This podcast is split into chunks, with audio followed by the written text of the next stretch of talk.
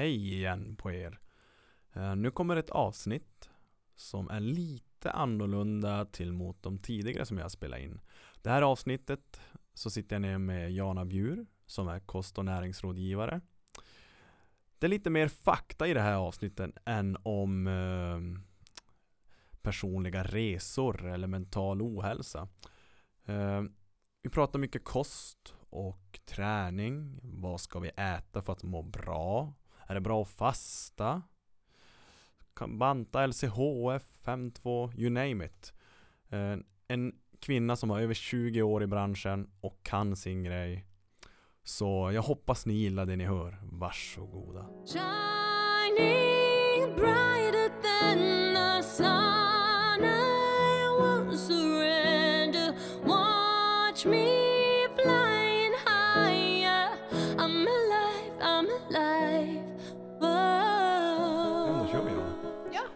Först och främst, tack för att du ville göra det här. Ja, men, tack för att du vill att jag ska göra det. det, det kommer bli intressant. Men eh, jag sitter nu med Jana Bjur. Och du kan väl presentera dig själv och vad du gör och vem du är. För de som Mm. inte vet vem du är. Ja, no, men jag eh, har, eh, är född och uppvuxen i Kiruna. Sen så när jag började gymnasiet så flyttade jag till Luleå och gick teater, ja, estetiskt program på gymnasiet där. Och eh, då mådde inte jag så himla bra. Eh, och jag har ju jättemycket allergier och sånt där i min familj. Mhm. Och då tänker man ju som att det är normalt, det ska vara så här.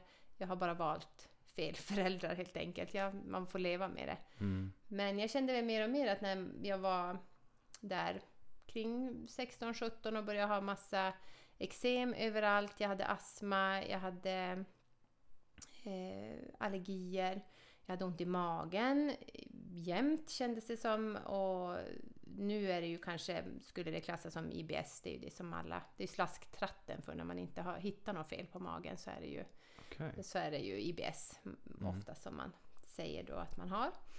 Det fanns inte det begreppet då, men, men då, ja för de hade tagit alla möjliga laktosprover och gastroskopier och ingenting hittade man.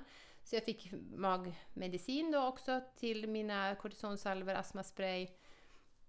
Och sen hade jag ju mycket ångest, eh, panikångestproblem eh, har jag ju egentligen haft sedan jag var liten. Men, men det blev, ja, så blev det bättre någon gång på mellanhögstadiet. Men sen när jag flyttade igen så blev det här värre. Och då, det var ju inte kanske heller lika, eh, sam, eller samma kontroll på vad man åt när man går på gymnasiet och i en ny stad. Och, ja, så att jag åt delicatobollar, eh, mackor. Jag gillade ju inte skolmaten. För jag tyckte ofta att jag mådde ju ofta illa för att jag hade problem med magen. Så jag ville bara ha, äta sånt här som jag tyckte var gott. Mm. Så det var mycket vitt bröd, nudlar, delicatobollar då, kexchoklad. Det hörde till basen av min mat. Och jag tänkte aldrig på det, för jag var ju normalviktig. Det var liksom inte nå Mm. Varför ska man tänka på det? Du hade aldrig lätt att lägga på dig eller? Nej, och jag har ju alltid spelat handboll. Sen jag var tio år har jag ju spelat handboll mycket. Så att jag har ju inte... Nej, det har liksom inte varit ett problem och då tänkte man inte på att maten ens är något man ska fundera på. Mm. Är man inte överviktig så spelar det ingen roll. Spelar du handboll i Luleå? Eh, nej, de har ingen handbollslag där så jag spelade handboll i Boden. Okej, Mm. ja, ja. Eh, och... Eh, ja, så det, men till slut kände jag att jag blev less på det där. Jag kände mig som en pensionär med alla de här... eh, Det var som att man hade dosett på morgonen och jag var inte ens 18 år. Jag kände att det här kan ju Mm. inte vara okej. Och då började jag söka upp annan hjälp. Och det var egentligen för att jag fick då sådana eksem på mina händer så att jag inte kunde spela handboll. Och då kände jag att nu, det går inte för mig något mer. Jag kan ju avkall på mycket men handbollen, det, det var jag inte beredd att lägga bort. Så då började jag söka upp massa alternativläkare till slut eftersom jag inte fick någon hjälp i vården. Eh, Och då återkom det, jag gick till flera för jag kände att jag höll inte med dem riktigt. För det, de ville ju att jag skulle sluta äta mjöl, socker och mjölk. Mm. Och då kände jag att ja, men det är ju ungefär allt som jag äter, så hur ska, det, hur ska det gå? Det var som helt omöjligt för mig att tänka mig. Men efter jag hade varit hos flera och de hade sagt samma sak, då kände jag att nej, men jag måste kanske prova det idag. Mm. Och då blev det ganska fort. Egentligen var det bara på några dagar som jag märkte att det hände faktiskt någonting. Berodde den här eksemen på magen? Eller kommer det därifrån? Alltså liksom från Ja, magbesväret? Ja, och magbesvären kom ju då antagligen för att jag åt saker som inte Okej, ja. min kropp är anpassad för. Mm. Och den maten som vi äter idag är egentligen inte anpassad för någon. Men man är olika känslig för det då. Mm. Så att jag, min kropp slog mycket bakut eh, efter den maten. Mm. Ehm, Så att det därför fick jag det. Sen finns det ju en del som kan gå ett helt liv och äta det här och inte ha några mm, synliga sjukdomar. Sen eh, hur Mm. man egentligen mår är ju en annan sak. Men för mig blev det tydligt då i alla fall att det finns faktiskt en koppling. Mm. Och då kände jag att men varför vet ingen det här? Och varför har ingen frågat mig när jag har varit i sjukvården? Varför? Ingen har ställt frågan vad äter du? Mm. Utan det är bara mer piller. Och då Mm. kände jag att det här det kan inte vara okej. Så redan tidigt så fick du liksom upp synen för kost och dieter och... Ja, så jag var 18 när jag ändrade min egen mat och det är ju Mm. nu då 20 år sedan. Mm. Så det är ett tag. Och det, då kände jag att det här måste ju folk få veta hur mycket maten betyder. Så jag började läsa jättemycket. Det fanns ingenting på svenska då, men jag började läsa mycket från Frankrike. fanns det mm, andra som hade kommit lite längre i det här och eh, sen kände jag att jag måste... Det här är något som jag måste göra helt enkelt. Så då började jag läsa hälsa på Vårdhögskolan som det var då i Boden. Och sen hade jag min första kostgrupp. Den hade jag 2002. Mm. Och sen har, det, har jag jobbat med det egentligen sen dess. Vad är titeln? Eh, titeln är hälsovägledare, det, var det, som jag, det är det som är min examen. Mm. Sen har jag ju nu eh, i tio år jobbat på LKAB som hälsoutvecklare på, Mm. På företagshälsovården där. Mm. Men nu jobbar jag då som chef på spaet på Ripan. Det är min huvudsyssla. Men sen gör jag ju det här både genom Ripan men också i mitt eget företag. Eller i Mm. mitt och Jennys företag No Junk då, som vi driver. Så att eh, hälsa är en stor del av mitt liv och det kommer alltid vara en del av det som jag gör. Mm. Så vilket jobb jag än har så kommer jag behöva göra det här ganska mycket.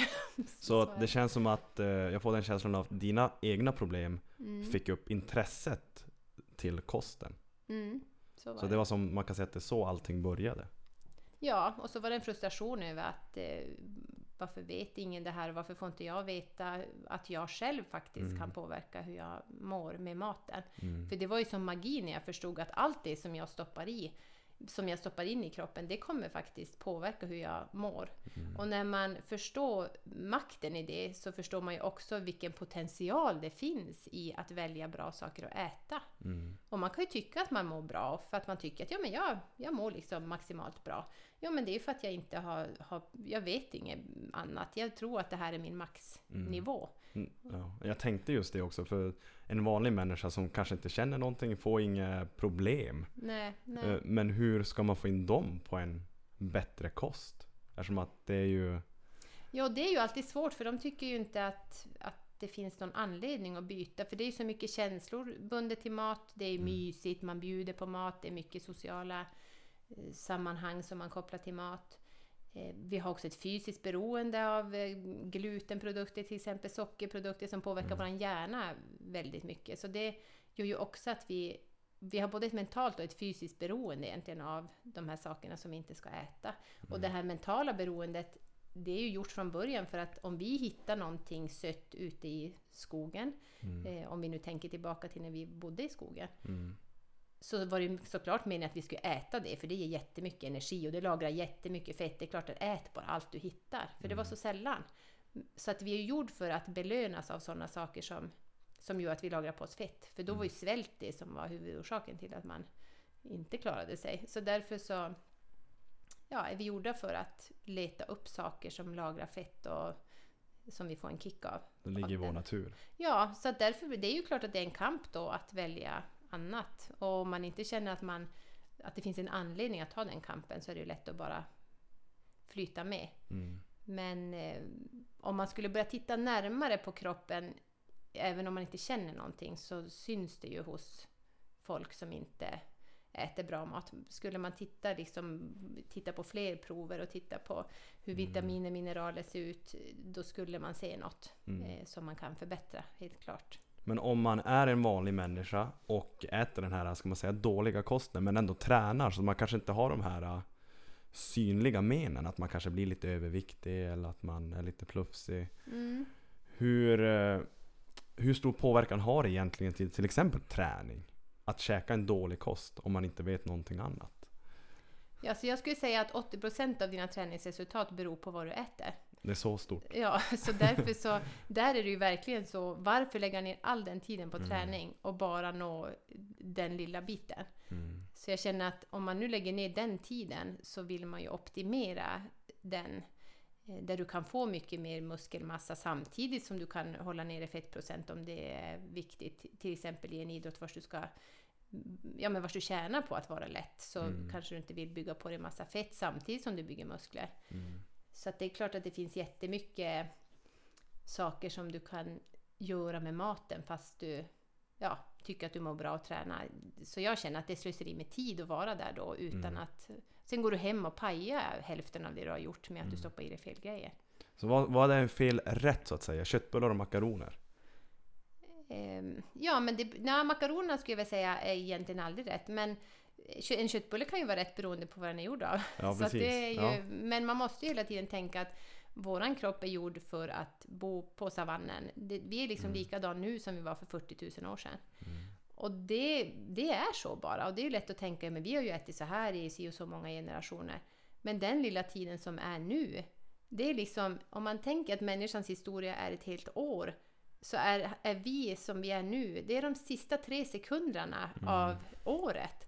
Så att det är ingenting i, i våran historia. Så att man måste tänka på att Ja men om vi skulle gå och köpa en människa i en djuraffär, här, den här brukar jag dra på mina föreläsningar för det blir liksom tydligt att man, annars går man dit och köper ett marsvin eller en hamster eller vad det nu är och så vill man veta exakt vad den ska äta för att den inte ska bli sjuk. Vad skulle den äta i sin naturliga miljö? Och så får man massa tips och en specialmat för det här Mm. djuret. Och sen så går man hem och så äter man då köper köttbullar och makaroner kanske. Mm. Och det skulle man liksom, det rådet skulle du aldrig få i en djuraffär om du gick och köpte en människa Nej. där, utan då skulle du få helt andra råd. Då är det liksom vad vi åt på savannen för Mm. 40 000 år sedan. Då kan man ju räkna ut att det inte var det i alla fall. Nej precis. Så, så tyvärr måste vi närma oss det om, vi, om vår kropp ska vara optimal. Sen lever vi ju länge nu, men det är ju för att vi har bra sjukvård. Mm. Så det är ju inte för att vi mår bra, det är ju för att vi har en sjukvård som kan rädda upp alla situationer som vi sätter oss i Mm. och alla sjukdomar. Och jag tänker också hur fort för, vi säger för tio år sedan när jag liksom spelade i, när jag spelade hockey var elitidrottare och liksom var i landslaget. Då har man ju teori om kost och, Mm. och det, vi, det vi får veta då det är att ja, men ett mellanmål, mjukmacka, kanelbullar. Mm. Och då tänker jag till idag, som, jag som har suttit och pratat med dig personligen. Och, Mm. Alltså det, det är sån stor skillnad på så lite tid. Hur, hur Mm. fort går utvecklingen och vem har rätt? För det är ju säkert Mm. flera som har din titel men säger helt andra saker. Mm. Så är det ju, och där måste man alltid vara medveten om att pengarna styr vad folk säger. Och så är det ju också i sjukvården, så är det ju också så att det är pengar som styr, det är läkemedelsindustrin som många gånger styr vad din doktor säger. På något sätt så ligger ju de bak de, de eh, vill ju såklart att de ska skriva ut en massa medicin. Och de skickar ut en massa information till dem om sina mediciner. Så de får ju information såklart därifrån, för de vill tjäna pengar på sin produkt. Mm. Och samma har det ju varit då med de här uppladdningen och vad de nu hette, alla idrotts... eh, Man fick ju några foldrar om det. Och de var ju Mm. också från Axa. Och Axa säljer havregryn och mjöl och, Mm. och sånt. Så de vill ju sälja sina spannmålsprodukter. Mm. Och allt det här, hela kostteorin som man har haft tidigare, den har ju eh, från början gjorts från industrin. Så gjorde man tallriksmodellen utifrån. Det var liksom Ja, det var industrin som bestämde hur den skulle se ut. Och då Mm. ville man ju ha mycket spannmål, och- för det tjänade ju bönderna på. Mm. Och sen förstod man att ja, det där var ju inte kanske så bra för människan. Mm. Och det vet man ju nu. Och nu finns det så mycket forskning som visar på att vi faktiskt mår bättre av att ta bort det. Och det finns ju många olika ställen som man kan leta upp den här informationen på. Men det gäller ju då, det finns ju så mycket att, att titta på. Men, men det finns ju källor där man kan ändå lita på, Mm. på vad som sägs. Och jag har ju gått, min senaste utbildning som jag har gått, den eh, är ju nu då på Funktionsmedicinska institutet. Så då kan man ju vara helt säker på att de har koll på, på läget. Det är bara Mm. baserat det de pratar om. Är, du, är du mer forskningslagd än Eh. vad som du tror är bäst?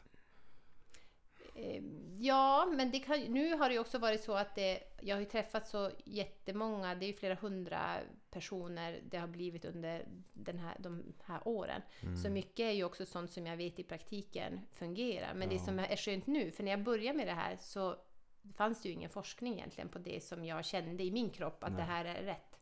För mig kände jag att det var rätt och då vill Mm. man ju kolla, är det här rätt för fler? Mm. Och eh, då fanns det ju som inte så mycket forskningsunderlag, men nu finns det det. Så Mm. jag känner att, att min tanke och, och det jag kände då, det har ju nu också backats upp med forskning. Mm.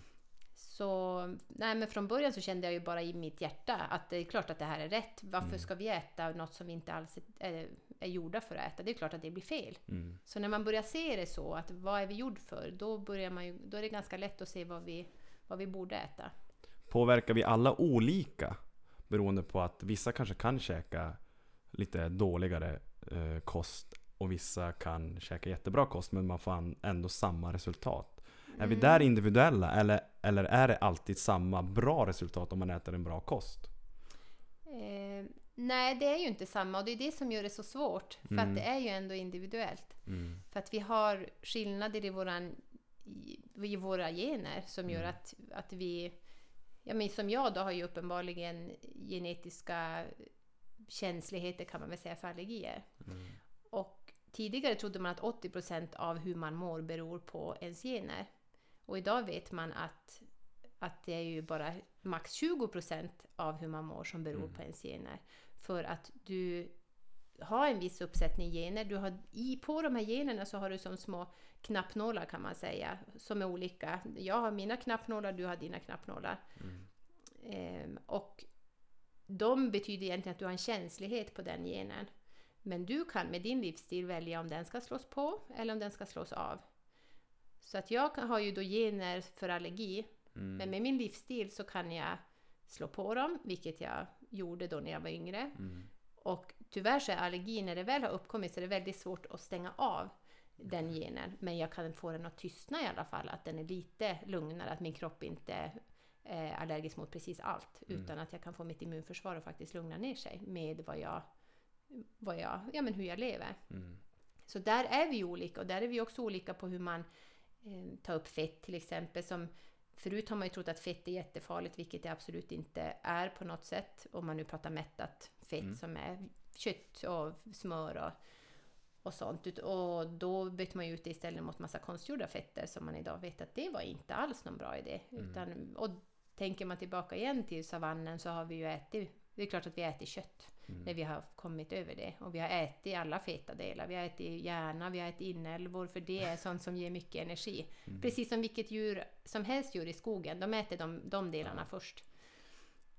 Eh, Men då är vi ju också olika på det, så en del kan ju äta bara fett och, och kött och tyck, må okej på det, medan andra inte kan det. Mm. Så att vi, det är ju olika och det beror också på vars på planeten kommer man ifrån. En liten anpassning har det ju ändå blivit Mm. de i Mellanöstern äter spannmål längre än vi. De tål det bättre än oss. Vi har varit tvungna att leva på mjölk här, för vi har inte haft så mycket annat i vår miljö. Vi har varit Mm. tvungna att leva på mjölk. Och då tål vi det lite bättre. Så vi kan ju till exempel, vi har ju fått en genmutation egentligen som gör att vi tål laktos. Mm. Vilket man egentligen inte ska göra efter man har slutat amma. Så ska man inte tåla mjölk. Men, Så att det finns ju vissa små anpassningar som ändå har blivit, men tyvärr inte så att vi kan leva på pasta och mackor. Så, så, så bra har den anpassningen inte blivit. Men eh, en del har ändå, sådana saker kan ju vara. Så att det, det finns inte en lösning som passar alla, men det finns en bas som man kan utgå ifrån s- och sen Precis. kan man göra små justeringar i den. Men den basen måste alltid utgå ifrån evolutionärt, liksom vad är vi gjorda för att äta. Mm. Kan eh, en bra kost också påverka din mentala hälsa? Ja, definitivt. Eftersom allt... Hur, ja, om man nu tänker hur man mentalt mår Mm. så beror ju det på mycket på hur ens hormoner eh, fungerar och hur ens signalsubstanser fungerar. Och signalsubstanser är ju som hormoner fast de, fast de är i hjärnan. De Mm. styr hur vi, hur vi mår och hur vi känner oss. Mm. Så fort vi upplever något eller känner något, då är det signalsubstanser som, som slår på. Mm. Medan som vi, när det gäller fortplantning och ämnesomsättning så är det hormoner. Och de här byggs upp av, av näring av olika slag men framförallt också av aminosyror är jätteviktiga. Och aminosyror är ju som en del av proteiner. Mm. Så om du äter en kycklingfilé så kommer den att bygga, eller att plockas isär till jätte- jättesmå bitar som är aminosyror då. Mm. Och det måste vi ju äta för att vi ska kunna tillverka de här hormonerna som vi behöver för att må bra. Mm. Och har vi då inte en, vi kanske inte har en tarm heller som funkar, vi kanske har en dålig tarmflora eller läckande tarm som man kan ha, att man har massa håligheter i tarmväggen. Mm. Eh, Då kan inte alls huvudet fungera för att Mm. 80-90% av våra lyckohormoner görs i tarmväggen. Mm. Och funkar inte det så då kommer man att må dåligt. Och idag vet man ju att hjärnan och tarmarna samarbetar jättetätt. För man har ju alltid vetat om man blir nervös till exempel, att man känner det i magen. Mm. Så man har ju förstått att hjärnan har en koppling till magen. Mm. Men man har inte förstått att magen också kan prata med hjärnan. Så att det är liksom en loop som går runt. Så att, och man vet inte riktigt vem som är överordnad den andra. Det kan vara så faktiskt att det är till och med magen som styr hur hjärnan mår Mm. och inte tvärtom.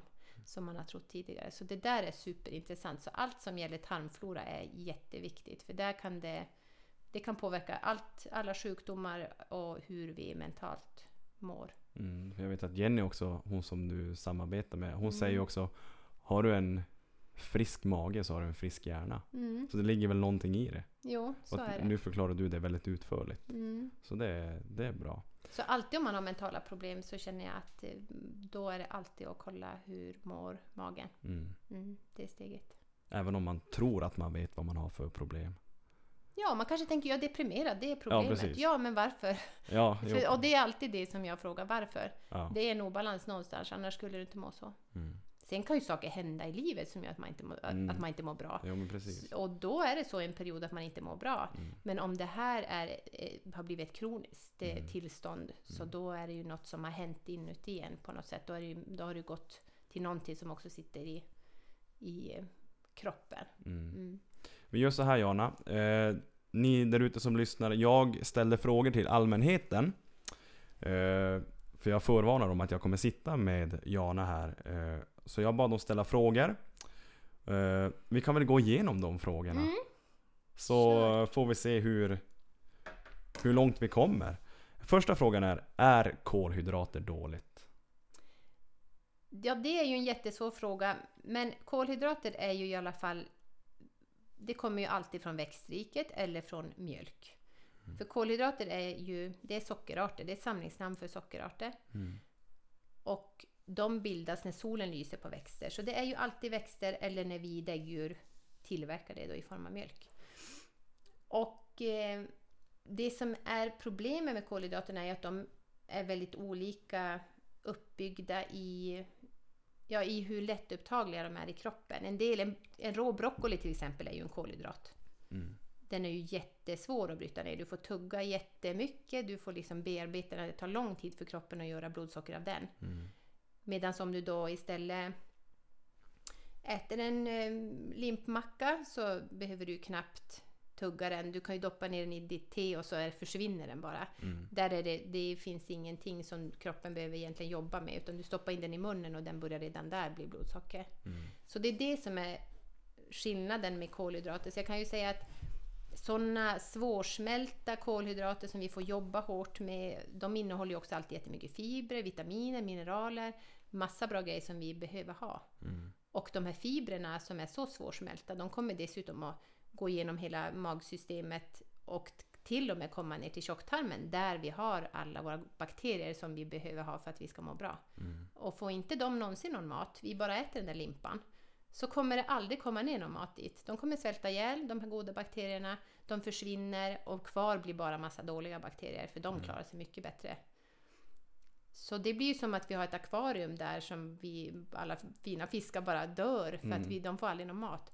Så vi måste ju äta de grejerna helt klart för att vi ska hålla en bra tarmflora. Så, och för att vi ska få i oss vitaminer och, och sånt. Så att de, den typen av kolhydrater, absolut, den behöver vi äta. Men i form av, eh, ja, men av mjöl, socker, Mm. pasta, ris. Det finns ingenting i vår kropp som behöver just det. Är det det man kallar långsamma kolhydrater? Är det de som är bra? Eller säger man så Ja. nu för tiden? Långsamma, snabba kolhydrater? Eh, Nej, inte egentligen så mycket så, utan för det är klart att om man tar ett råris till exempel, eller en pasta. En pasta tar, blir egentligen inte så fort blodsocker. Den, det tar ganska lång tid och den håller blodsockret ganska bra. Eh, vilken pasta du än väljer. Men fortfarande så innehåller den en massa spannmål som inte är bra i, på, i din kropp på andra sätt. Så förut var man mycket mer blodsocker inriktad kan man väl säga. Det var mycket, man kollade GI-värden och så och ville veta exakt hur mycket maten påverkar blodsockret. Men nu är det mer, om man tittar i ett större hälsoperspektiv så är det då, då får man igen tänka vad, vad är mest oprocessat, naturligt. De kolhydraterna ska vi ha. De Mm. kolhydraterna som inte har en innehållsförteckning. Okej, tänkte- har, har du tips på någon bara så spontant på bra kolhydrater? Broccoli? Ja men alla typer av grönsaker egentligen och gärna de här Grönsaker. grova. För om du bara äter gurka och tomat så det kommer inte hända mycket utan det Nej. måste ju vara de här grova grönsakerna och tillaga dem så lite som möjligt egentligen så att de inte blir bara helt mosiga utan med lite vatten, eh, koka så kort tid som möjligt. Mm. Och det går bra med frysta, det går lika bra, absolut. Mm. Potatis? Ja, potatis, potatis kan faktiskt, om det är en kall potatis så kan den inne, då innehåller den stärkelse som kommer klara sig hela vägen ner till tjocktarmen. Mm. Så då kan den ju vara okej. Men annars, en vanlig nykokt potatis blir väldigt mycket blodsocker Mm. och eh, innehåller egentligen inte så mycket. Men fördelen är ju att det finns i Sverige, potatis. Den finns liksom nära oss. Men det är ingenting heller som vi har ätit från början. Mm. Ehm, Så det är väl en liten sån där, det beror ju på hur mycket kolhydrater man mår bra av, det är ju också olika. Mm. Så man kan säga att det, kolhydrater är inte dåligt om du äter rätt kolhydrater. Nej, absolut inte. Och potatis är ju det vi väljer hemma. Om vi äter någonting annat än grönsaker till så äter man- vi i sådana fall potatis. Sötpotatis? Sötpotatis kan det också vara. Mm. Mm. Bra. Eh, hur fungerar allt kring kalorier? En stor fråga. Ja, det är ju. ja, och kalorier är ju också ett eh, ämne, eller ja, man tog ju fram det egentligen för att man tänkte att, ehm, att kroppen har en viss energiförbrukning och då vill man veta hur eh, ska man äta för att hålla den kaloriförbruk, alltså hålla en, en jämn vikt kan man ju Mm. säga. Och då ville man veta hur mycket kalorier innehåller maten. Mm. Och sen kunde man då veta att ja, men jag ska äta 1500 kalorier per dag för att hålla vikten. Och det låter ju som en bra idé, men där tar man ju inte heller hänsyn till någonting alls när det gäller kvaliteten på maten. Mm. Du kan lika gärna få dina 1500 kalorier på limpmackor då. Eh, Och det spelar ingen roll. Så det var lite så det började. Men eh, det man också vet idag är att en, en även om vi, vi tittar på en tallrik som innehåller eh, ja, som innehåller 200 kalorier som är gjord av mjöl och pasta och grejer och sen har vi en annan som innehåller kött och, och fett så kan man ju tänka att ja, men 200 kalorier är 200 kalorier. Mm. Men det är inte så när det väl kommer in i kroppen. För att då är det inte så att de här är helt likställda. För det händer grejer inuti kroppen som gör att, att, du, att du tjänar på att välja en, en kolhydratsnål eh, tallrik. För Mm. att då kommer du att din förbränning kommer, kommer att ligga på plus av den tallriken. Du kommer tjäna på att ta den rent kalorimässigt så kommer du du kommer förbränna mer av den tallriken än att äta Mm. mat som höjer ditt blodsocker mycket. Och det är för att då utsöndras insulin och det, det hämmar din fettförbränning. Mm. Så en tallrik där du får mindre blodsocker och eh, mindre, ja då också mindre insulin kommer att förbränna mer. Mm. Så en kalori är ju inte alltid en kalori, så därför känner jag att den, det blir oviktigt då eftersom det egentligen inte säger dig någonting. Mm. Sen kan det vara br- bra att veta ungefär hur mycket mat behöver jag få i mig. Mm. Och då om man till exempel äter för lite, vilket många som tränar mycket gör, de äter för lite mat. Och då kan det ju vara bra. Lifesum till exempel, en jättebra app där man kan lägga in Ja, den frågar ju massa frågor och så får du veta så här många kalorier. Mm. Och sen kan du också välja vilken kostinriktning vill du ha och sen kommer den här och ge dig ett hum om hur mycket du ska äta.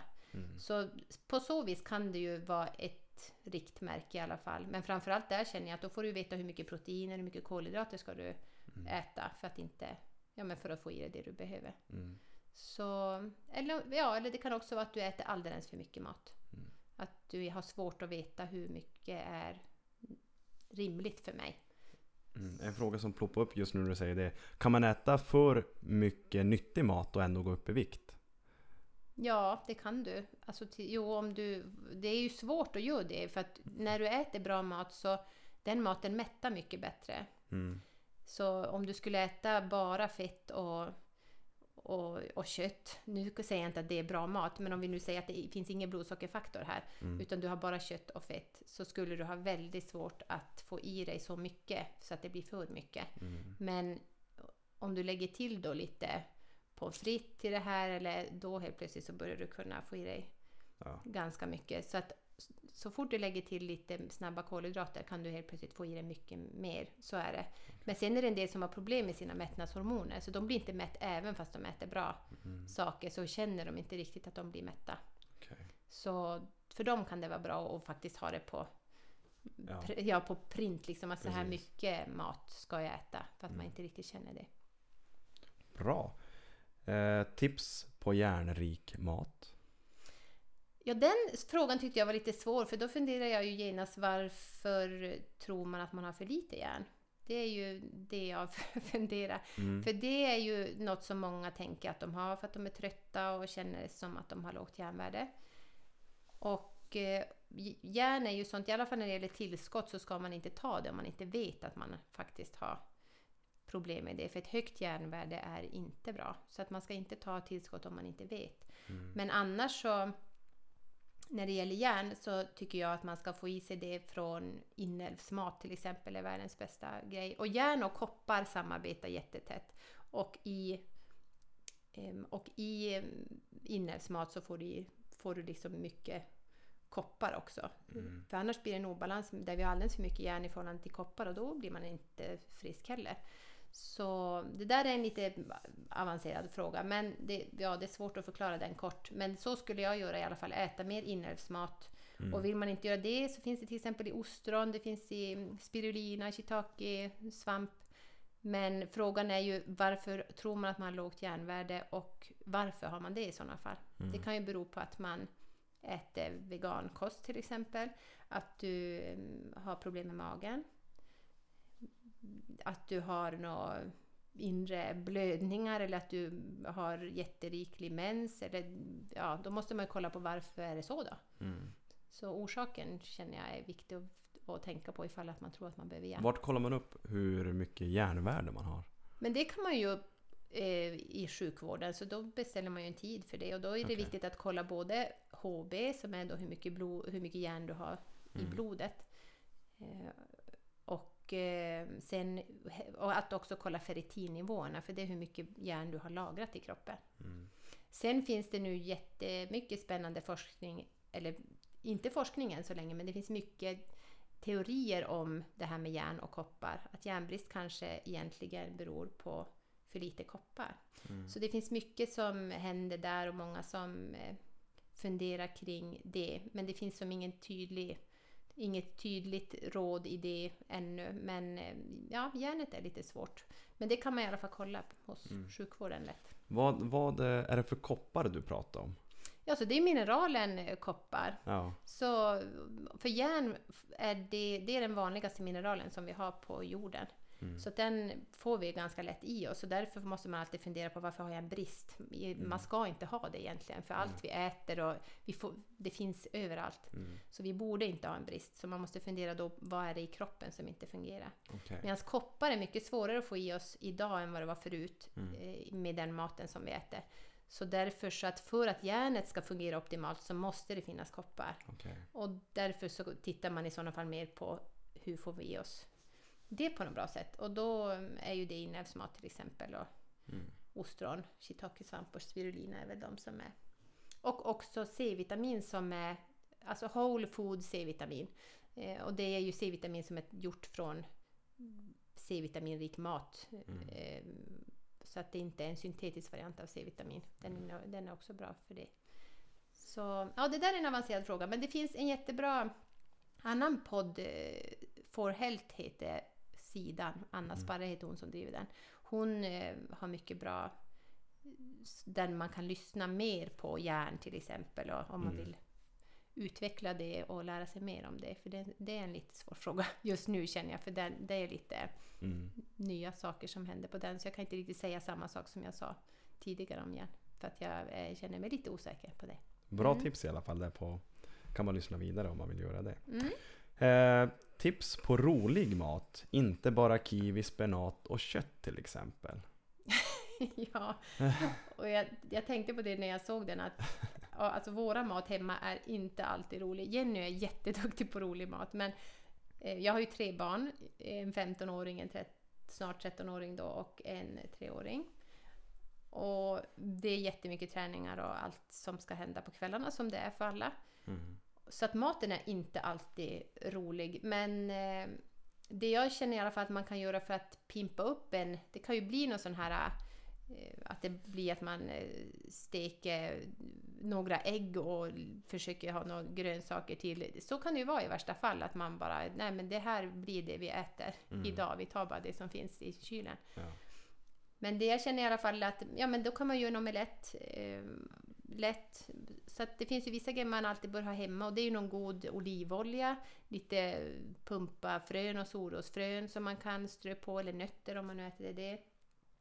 Avokado är ju också alltid bra att ha hemma så kan man ju allting till något som är lite roligare. Men eh, Ja, jag vet inte. Vad känner du själv du som har... Eh, du var ju lite nybörjare på det här med grönsaker när vi träffades. Ja, precis. Eh, det jag gör som är roligt med min mat, till exempel kyckling, så slänger jag i, jag steker ju upp kycklingen såklart. Mm. Eh, sen tillsätter jag kokosmjölk, Mm. jag sätter i grönsaker, jag sätter i ananas. Eh, det har väl gjort mig att gilla kyckling lite mer, för när man var Innan jag träffade dig Ja. så var det ju, man stekte, eller man körde in dem i ugnen, bröstfiléerna. Mm. Och så tog man ut dem och så åt man med ris och så sötsursås på torra jävla kycklingfiléer. Ja. Så att på det Mm. sättet har kyckling för mig blivit roligare. Ja. Mm. Även om det kanske inte är någon sån här top notch mat. Men det, det, det är väl det är nyttigt. Mm. Och det, det är gott om du liksom, det blir ju godare när du rör om sådär och, och får som en, som en röra. Mm. Och sen även köttfärsbiffar. Istället för bara äta jag äter nästan aldrig köttfärssås och spagetti mer. För nu är det så mycket roligare att göra sin, sina egna köttfärsbiffar. Mm. Med lök, med ägg sätter man. Man har lite ströbröd i. Jag vet inte hur nyttigt nu det är. Ja, men den kan man faktiskt helt skippa utan att det gör något. Så den kan du också ta bort. Och lite grädde. ja. Ja. Så att jag, jag som ni hör, jag är inte liksom die hard Nej, men Jana-stilen. tänk hur mycket bättre det är. Precis, det, Ja. det har blivit så mycket bättre. Men Mm. det är väl lite det jag gör. Jag tillsätter bara mer nyttiga saker. Mm. Ja, men jag tror att det är det också man måste göra. För jag brukar säga fortsätt laga den mat som du alltid har lagat. Mm. Det är inte så att man måste ha en, bara en, liksom en, en kycklingfilé och så har du grönsaker på tallriken. Du kan ju fortfarande laga en kycklinggryta eller, eller Mm. vad du nu vill.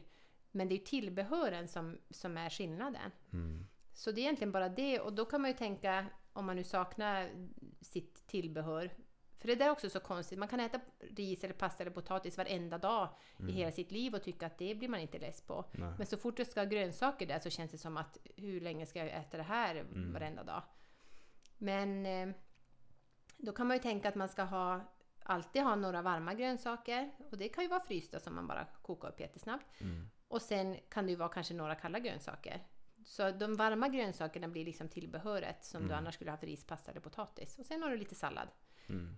Eh, Men gör annars den mat som du brukar göra. Det Mm. tycker jag är det lättaste. Och sen tar du bara bort om det nu är massa redningar och saker som är i maten. Att skippa dem då. Mm. Eh, Och eh, ja, men gör dem bara utan mjöl och socker och, och sånt. Men annars är det tillbehöret som oftast är det stora. Ja men det är det jag känner också. Och det är också en grej jag så har Den största förändringen är att jag äter nästan aldrig pasta eller ris. Utan nu är det nästan bara sötpotatis och potatis. Mm. Eh, Efter att jag har pratat med dig också. Ja, Och, så mm. att, och sen även när man, när man steker maten, där har jag mitt kokosfett. Ja. Mm. Så att man försöker få bort de här små, små detaljerna istället för att steka i, i smör. Mm. Fast det är väl inte så dåligt egentligen att steka i smör eller? Nej, det tycker inte jag. Men sen beror det ju på hur, om man nu är jättekänslig för mjölkprotein, vilken, om man nu har någon autoimmun sjukdom där immunförsvaret har blivit galet, då kan ju mjölkprotein trigga det. Mm. Så i det fallet kanske inte smör är det bästa, men annars så klarar ju de flesta av att äta smör. Mm. Och det är ju i grunden en jättebra produkt. Har du där- däremot margarin, den ska du ju slänga ut. Mm. Och alla andra växtoljor, du ska inte steka i något annat än ett mättat fett, för de Mm. eh, oljor tål inte att upphettas till den, till den temperaturen. Mm. Så det bästa är att ha ett, ett smör eller ett kokosfett som du steker i och sen så kan du lägga på olivolja Mm. på, för olivolja är ju faktiskt jättebra eh, och innehåller massa antioxidanter och grejer. Så den eh, kan man då ringla på maten när den är färdig, för då är den som allra bäst. Och den ska man då förvara i kylen, för annars så härsknar den lätt. Om man inte använder upp den snabbt, att den går åt, då kan man ju ha den framme. Men... Mm. Så oljorna är känsliga. Ja, men så att jag tycker inte att man behöver tänka att det ska vara så tråkigt. Det är som man alltid har gjort maten Mm. och sen så bara byter man. Ja, nej, men jag håller med. Tillbehör. Helt klart. Mm. Och det har blivit roligare för mig att äta bara av att ju tillsätta lite grann. Mm. Så att eh, det finns nog inga hemligheter där egentligen, något större. Nej. Ehm, finns det någon bra ordning att äta saker? Nej, jag funderade på det där. Jag kunde som inte riktigt tänka att, att det skulle vara så att det finns en viss ordning. Det enda jag känner är, som jag kunde tänka på det är att man inte ska dricka jättemycket till maten. Och det är för att när maten kommer ner i, i, mat, i magsäcken så ska det vara väldigt surt där för att magsyran ska bryta ner maten. Och om vi då har spett ut det med jättemycket vatten så kommer våran magsyra att bli lite för basisk och då får vi Okej. problem med att bryta ner maten. Mm. Annars så kände jag inte att... Eh, nej, jag känner som inte att det spelar så stor roll. Sen om man nu har ungar till exempel så är det ju alltid såklart bättre att ge dem köttet och eh, vad man nu har för protein innan man börjar ställa fram några snabba kolhydrater för det kommer de ju alltid vilja äta först. Då sitter de ju bara och äter det. Mm. Men för ens egen del så finns det som inte något, man tjänar inte på att ta det i någon viss ordning. Inte så, något som jag kunnat leta fram i alla fall. Mm. Och det jag också tänker i den här frågan, den är ganska öppen. Eh, om i bra ordning att äta saker. Kan man hoppa över en frukost till exempel och sen gå direkt på lunch? Ja, det kan man, för där är man ju också lite, lite styv i sin tanke. För att, och det kan ju också vara så att, att man äter mat till frukost. Det har Mm, ju inte heller ja. någon betydelse. Nej, nej. Eh, Men eh, man kan absolut hoppa över frukosten och det är ju många som är intresserade av fasta och då tycker väl jag att den lättaste fastan är ju där när man äter bara 8 timmar per dag och sen vilar man från att äta 16 timmar. Mm. Och då är det lättast att sluta äta kanske 7 på kvällen och sen äter man ingenting förrän 11 på dagen. Och då får också matsmältningen vila, kroppen börjar också att eh, Ja men den börjar som reparera celler och, och den gör massa bra saker när man hamnar i det här fasteläget. Mm. Så att eh, vi är ju gjord för att ha perioder av fasta. Vi vi har ju inte småätit så här som vi håller på och haft det Nej. tillgängligt på det sättet. Så att man förstår ju att det finns en mening med, eller att det i alla fall inte är negativt för oss att gå utan mat eh, f- några timmar per dag, det klarar vi ju. Ja. Så att det är ju inget problem. Gillar man inte frukost och inte känner att det tillför någonting så kan man ju absolut lägga in en fasta då. Att man försöker ha 16 timmar sen man åt sist. Men är man stressad eh, eller har någon mat eh, ätstörningar eller någon sån matfixering sen tidigare så bör man inte börja mecka så mycket i, i att ta bort mat. Eller, och det viktiga är ju också att under de åtta timmarna man äter att man får i sig samma mängd mat ändå. Det är inte så att du ska ta bort ett, ett mål. Nej. Utan du ska ju äta samma mängd men under kortare tid. Mm. Sen kan det ju vara så att man äter alldeles för mycket innan. Ja men då gör det ingenting att man tar bort en måltid. Men det är ju lätt att, man, att det blir lite för lite mat om man inte tänker på att du ska fortfarande i dig samma fast på kortare tid. Mm, precis. Eh, kvällsmål. Då, och inte en sen middag utan ett, men det är väl lite i, i vår natur också. Vi, vi ska käka kvällsmål. Vi ska ta den där mjukmackan och O'boy och... Ja, och det behövs ju egentligen inte så länge du har ätit en bra middag. Har du Nej. ätit en tillräckligt bra middag så ska inte du behöva äta Mm. på kvällen. För har du ätit en måltid som inte får ditt blodsocker att gå i taket för att sen falla igen som en eh, pannkaka, då ska du ju vara mätt fortfarande när du på kvällen. Sen att man blir sugen på någonting, det är ju något annat och då behöver man ju inte äta. Men eh, som, så som regel så ska du ha ätit en så bra middag som möjligt så du inte behöver Sen om du har varit och tränat jättehårt, ja men då behöver du kanske få i dig någonting. Men annars så behöver du egentligen inte. Mm. Eh, Så att, ja, måltiden innan ska ha varit bättre om du Och känner dig Jag hungrig tänker på också det, ibland blir man ju hungrig på kvällen och om man har varit och tränat och då kanske man har hunnit käka middag redan. Mm. Men vad finns det för, vad ska man trycka i sig på kvällen om du måste ha någonting? Ja, men då skulle jag ju nog säga att det ska vara någonting som inte är så svårsmält för att kroppen går ju in i ändå viloläge på natten. Även om du jobbar natt och är vaken på natten så kommer kroppen ändå vara i viloläge. Så någonting som inte är så svårt att smälta. Men det kanske kan vara någon... Ja, har man tränat kan det ju vara, absolut vara någon frukt. Annars tycker jag inte att man behöver överdriva det. Det är ju också mycket socker som... Vi har inte hållit på att äta frukt heller i de mängderna. Så att det, det kan ju vara någon frukt och det kanske kan vara ett ägg kan det ju vara. Det är inte heller särskilt svårt att bryta ner. Det är ingenting som vi måste... Det blir, en stor köttbit är ju inte sådär. Det sover man ju inte bra på. Det vet man ju ofta om man har ätit ute på restaurang sent på kvällen så sover man ju oftast inte bra. Så lite lättare mat. Men det är väl bra efter träning. Någon frukt och ett och ägg är ju inte någon dum idé. Och då tänker jag också på det, jag som har spelat hockey och det också vi fick lära oss. Det var direkt efter träning 45 minuter, det är Gainomax, det är banan. Eh, för man har ju brutit ner kroppen. Mm. Är det, hur sant är det att du måste äta efter en träning? Ja, alltså om du nu tränar jättehårt så kanske det är så att du har svårt att tillgodogöra, alltså få i dig så mycket proteiner som din kropp behöver för att bygga upp sig efter varje träningspass. För det är proteinerna som kommer laga det som ändå har, som behöver lagas efter träningspass för att den ska utvecklas och kunna bygg, bli större. Muskeln måste ju, vill ju bli större. Och då finns det ju såklart eh, fördelar med att äta proteiner mm, åtminstone då i, i samband med träningspasset. Men snabba kolhydrater, det är ju... Det beror lite på om du ska... Du behöver inte göra det så här efter varje pass, men om du har en tävling du ska vara med på dagen efter eller att du har jättehårda pass många gånger efter varann. Ja, men då kanske du måste fylla på lite med, med lite kolhydrater för att du ska kunna använda det när du sen ska ha ett jättehårt pass gången efter. För du kan ju ändå lagra en viss del kolhydrater. Men det ska man som använda som lite raketbränsle sådär när man behöver. In- Du behöver inte göra det varenda gång.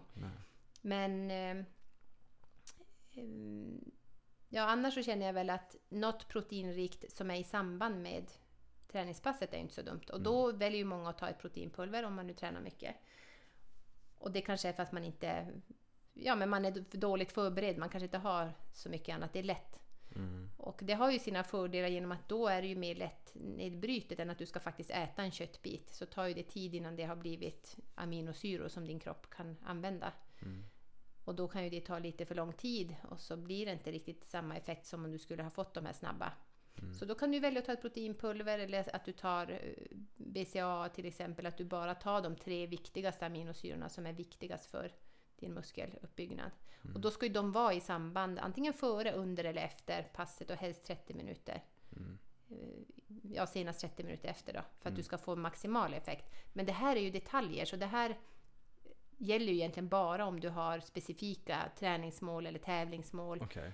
För de flesta så räcker det jättebra med att äta bara vanlig mat, men att man i alla fall har ätit det ganska antingen nära inpå eller ganska snabbt efter. Ja, ja. Mm. Så det räcker för de allra flesta med mat. Det är bra. Mm. Eh, tar kroppen upp näring av maten man äter? Till exempel om man äter lättsmält mat först. Ehm, nej, alltså det som, kroppen bryter ju ner våra näringsämnen på lite olika sätt. Vi har ju då kolhydrater, fett, proteiner. Det är de näringsämnena vi äter. Och när vi nu äter en måltid så är det ju, finns ju alla de här med på tallriken.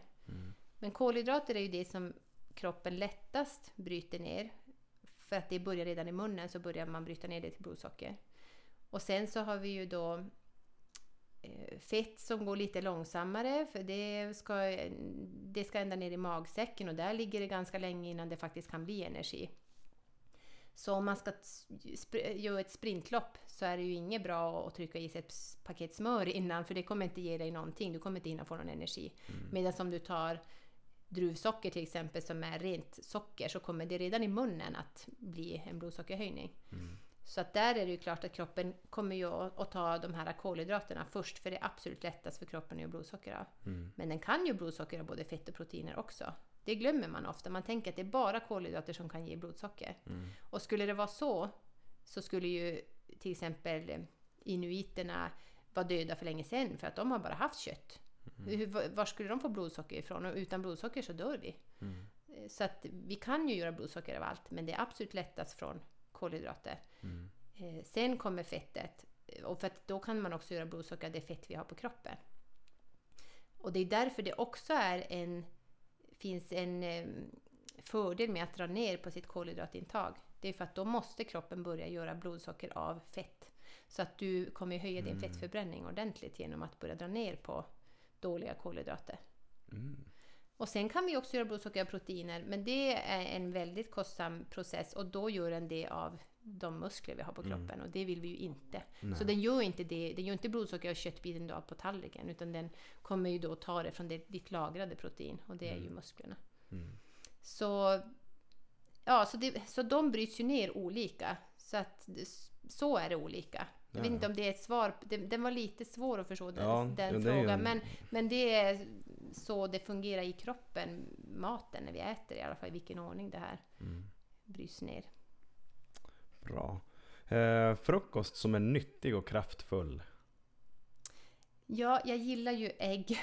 och för att det är en sån komplett det är en sån komplett eh, grej, ett komplett livsmedel. Och det var ju, fanns, kom ju också en fråga om, om ekologiska ägg kontra vanliga ägg. Eh, så den kan jag ju också ta samtidigt. Så det ska ju absolut vara ett ekologiskt ägg då Mm. i sådana fall. Eh, men det kan jag utveckla också. Men jag känner att ägg är bra för att det innehåller både proteiner och fett och massa, alla vitaminer förutom C-vitamin.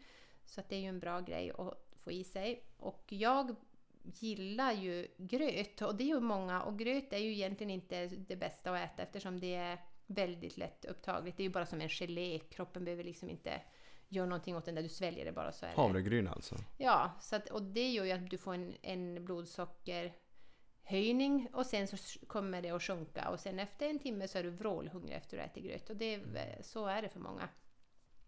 Så jag gör min gröt då på en halv deciliter havregryn och sen har jag, har jag kanske då typ en deciliter vatten och salt och sen då kokar jag ihop det där och sen så sätter jag ett ägg i det där när det har kokat ihop. Mm. Så då blir det mycket mer mättande. Och sen så brukar jag sätta något fett på det där. Och sen brukar jag slänga på gröna bananer för det är jättebra för tarmfloran. Eh, Så då, då hackar jag upp en, eh, ja, det finns ju en gräns för hur grön banan man kan äta men, men lite grön i alla fall. Mm. Eh, Så sätter jag det på det och det står jag mig på jättelänge. Sen kan man ju också, och då brukar jag ha något fröknäcke av något slag till som bara är gjort av frön egentligen Mm. och fiberhusk som håller ihop de där fröna. På vår hemsida har vi ju massa bra recept som man kan kolla. Vad heter hemsidan? Den heter nojunk.se så dit Mm. kan man gå in och kolla på recept på bröd. För det brukar ju vara den svåraste grejen, att eh, skippa mackan. Så det är Mm. bra att hitta ett bra alternativ till det. Mm. Eh, Men nu så har jag i alla fall också gjort någon overnight oats eh, grej som man kan ha utan havregryn eller med. Men då sätter jag kokosmjölk, chiafrön, jag kanske sätter en deciliter kokosmjölk, en och en halv matsked chiafrön. Eh, sen sätter jag en deciliter blåbär. Och eh, sen, ja lite honung kan jag sätta där i och sen rör jag om det där och låter det stå över natten. Och sen på morgonen slänger jag på en näve pumpakärnen på det där. Mhm. Så det blir jag också jättemätt av. Omelett, är det en bra frukost? Jo, absolut. Det, Mm. det, och det, man kan ju äggröra. Mm. Så om man gillar mat på morgonen så är det ju då är det att föredra. Och ska man äta frukost så är det bra att äta en ordentlig frukost. Mm. Så att man faktiskt står sig hela vägen till lunch. För mellanmål behöver man absolut inte. Kroppen behöver vila däremellan. Och är man jättehungrig hela tiden så måste man fundera på varför. Blodsockret åker upp och ner. Varför? För det är det som styr om du är hungrig eller inte. Så på en bra kost så ska du kunna gå 5-6 timmar utan att äta utan att du känner att du håller på att svimma av. Och de här mellanmålen, det menar du över hela dagen? Även mellan lunch och middag? Ja, du behöver ingen mellanmål. Man behöver inte. Nej, du ska, äta, du, du ska kunna hålla dig mellan måltiderna. Du ska äta så pass bra när du äter så att ditt blodsocker kommer hålla sig jämnt ända tills Mm. du ska äta nästa gång. Så, och sen om du ska gå och träna, ja men då kanske du känner att du behöver äta något innan. Men Mm. Annars så ska du ju klara dig. Är du vrålhungrig efter två, tre timmar, då är det något fel på, på maten. Eller, Mm. Och blodsockret kan också åka upp och ner för att du är stressad. Maten kanske är jättebra, men av stress så åker också blodsockret upp och ner. Så det finns ju andra faktorer också, men maten är ju det man oftast kan Mm. göra någonting åt i det fallet. Och eh, om de där äggen då? Varför ska man välja eko? Det ska man göra för att de innehåller, ja för det första hur djuren hanteras, det är ju jätteviktigt. För att ett eh, ekologiskt ägg, kravmärkt, och kravmärkningen är ju en jättehård märkning som vi har i Sverige. Och den är jättebra och välkontrollerat. Så att är det kravmärkt så vet man att det är en bra produkt. Eh, Ja, så det är det första, att de har det bättre, de har mer plats där de står, de får, måste ha tillgång till utevistelse. På sommaren får de vara ute, de får, måste även kunna gå ut på vintern. Eh, På någon slags, I någon slags mm, utomhus i alla fall, inte lika stort som på sommaren, men de ska kunna gå ut. De ska kunna ha sand som de kan hålla på och sprätta i där. Eh, Och ändå, en ekologisk höna har det inte heller idealt, det måste jag säga. Det finns, det finns ingen kyckling som har det, om man inte köper från en bonde, så är det ju inte så kul att vara kyckling. Även om man är en ekologisk kyckling kan jag känna. Men det är väldigt, väldigt mycket bättre. Och de får äta mat som är, också är ekologisk och, och mer artegen då för dem. Att de också får äta det de ska äta. Och att de får vara ute och äta gräs. Och, eh, så det är mer vitaminer i dem och det är också så att det är en bättre omega-3 och omega-6 eh, kvot i dem. Och omega-3 och omega-6 är ju två fettsyror som samarbetar. Man ska egentligen ha lika mycket av båda två men vi får i oss mycket, mycket mer omega-6 i våran kost än vad vi får omega-3. Och omega-6 är inflammationsdrivande till exempel och är dåligt för cancer, hjärt och kärlsjukdomar, hjärnan. Så att vi behöver få i oss mer omega-3. Och eh, de ekologiska äggen har en mycket bättre omega-3 profil än vad de andra har. För att de får äta den mat de ska ha. Eh, Så att absolut, ekologiska ägg är jättemycket dyrare men eh, det är bättre både för djuren och för dig att äta ett ekologiskt ägg. Du får ju ut mycket mer av ägget. Du får ju mycket mer näring från det. Från det så att helt klart ekologiska ägg. Behöver vi tillskott för att få den omega-3 som vi verkligen behöver? För det är många som äter omega-3 kapslar. Mm. Ska, kan man ha omega-3 bra värden i kroppen utan att behöva ta de här kapslarna? Kan kan man väl kanske? Ja, men det är, ja, inte som vi äter här i alla fall så kan man inte det. Eh, Det är enormt svårt och även sådana som verkligen, verkligen försöker med maten eh, fixa det. Alltså sådana som verkligen snöar in på att försöka ha en bra omega-3 och 6-profil lyckas inte riktigt med det. Det är jätte, jättesvårt. Så nej, jag skulle säga att det är svårt. Omega-3-tillskott är ju bra att ta. Sen där finns ju också en etisk fråga och det är ju det att var kommer fisken ifrån? Eh, och har man då bara klämt ut fettet ur fisken och slängt den? Hur hanterar man det? Så att tillskottet måste ju vara ett tillskott där man vet att det ska vara från eh, rätt typ av eh, fiskar. Det ska vara i, från ett kallt hav, inte ett varmt hav. Det ska helst inte vara odlad fisk, vilket är jättesvårt. Det är ju helt omöjligt att hitta någon utan odlad fisk i känner jag, för då, det, den är svår. Men att det måste vara ett bra omega-3 tillskott i sådana fall. Så att man också... Ja, men man måste ju som tänka hela vägen, inte bara på att det ska vara bra för en själv. Man måste ju också försöka tänka på hur hela kedjan har sett ut. Ibland är det väldigt svårt och då kanske man måste tänka på sig själv. Jag, Eh, jag tänker just i den här researchen som det låter som att man behöver för att få i sig den absolut top notch maten. Mm. Jag, jag tror inte så många orkar göra den. Nej, för det är ju jättesvårt och där brukar jag säga börja med att tänka på vad som är bra för dig. Ja. Du börjar där, sen eh, ja, så att du får det att funka. Du behöver inte tänka på alla hönor och fiskar och allt elände som finns där bak i, utan du tänker först på hur mår du? Och sen när det är på plats och du känner att det här funkar, jag behöver inte ens fundera på maten, den bara går av sig själv. Då kan du ju börja titta lite mer på detaljerna och då kanske ja, men jag kan byta ut den där produkten mot det där. Men att börja tänka allt det här på en gång, för jag har ju gjort det här i 20 år. Mm. Det är klart att för mig är det lätt, jag är inne i detaljerna. Mm. Men för någon som inte är det, så skit i det från början. Du bara kör det som du känner är bra för din kropp.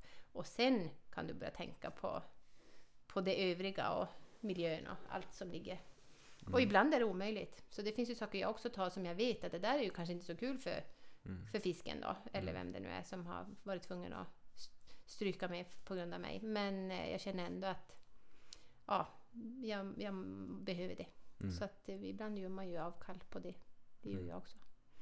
Mm. Eh, vi var inne, du var inne på det här lite tidigare. Är proteinpulver bra? Ja, men det kan det ju vara. Men det beror ju också på hur mycket annat skräp det är i ditt proteinpulver. Så det är Mm. samma där, kolla Det är innehållsförteckningen. research man måste göra. Ja, där känner jag så. Men, men Holistic är ju ett företag som både har proteinpulver och massa vitaminer och, och svenskt är det. Och de Mm. är jättebra. Och deras proteinpulver görs, det är ju från vassle då, men det görs ju från gräsbetande svenska kor. Mm. Så jag känner att de korna har haft det bra, det kommer vara bra näring även för dig. De har fått äta det de ska äta. Eh, Så att holistiskt proteinpulver är absolut bäst. Och där är det bara protein och någon naturlig vanilj eller choklad. Det är inget konstigt i dem. För Mm. det finns ju... Det här är ju ett mörker när man börjar titta på burkar med proteinpulver. Mm. Det är ju så mycket skit i dem.